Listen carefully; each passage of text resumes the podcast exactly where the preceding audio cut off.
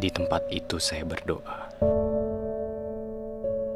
Ya Allah, semoga Engkau setuju bahwa saya sudah cukup usia untuk mengemban tanggung jawab lebih.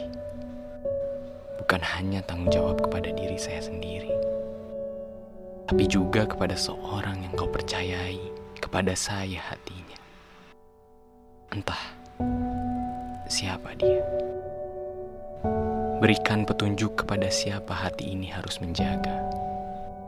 Saya siap menjaganya ya Allah.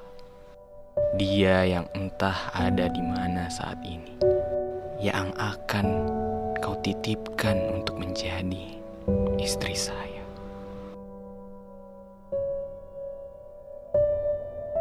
Tubuh saya kembali lebih keras terdorong. Waktu saya dihijir Ismail tidaklah banyak. Di sela saya beranjak, saya melihat dia. Dia yang menggetarkan hati ini. Berwajah sendu, mencurahkan doa dengan segala kesedihan terpancar di matanya. Terhanyut, terpana menatapnya. Ingin sekali menghampiri dan menyapanya. Hei Gia, sadarkah di mana kamu kini? Saya sadar, ini bukan tempat dan waktunya.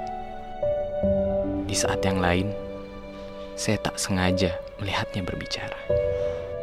Bolehkah saya mengenalnya? Hai, Assalamualaikum. Saya Elsa.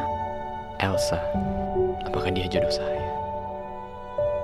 Apakah dia yang dikirim Tuhan untuk saya? Bagaimana jika bukan dia? Pertanyaan itu terus mengganggu. Saya ingin menjawabnya, tapi sungguh saya bukanlah apa-apa dengan semua yang saya punya. Di hadapannya, saya hanyalah sebutir debu di hamparan padang pasir. Tidak ada apa-apanya. Dialah yang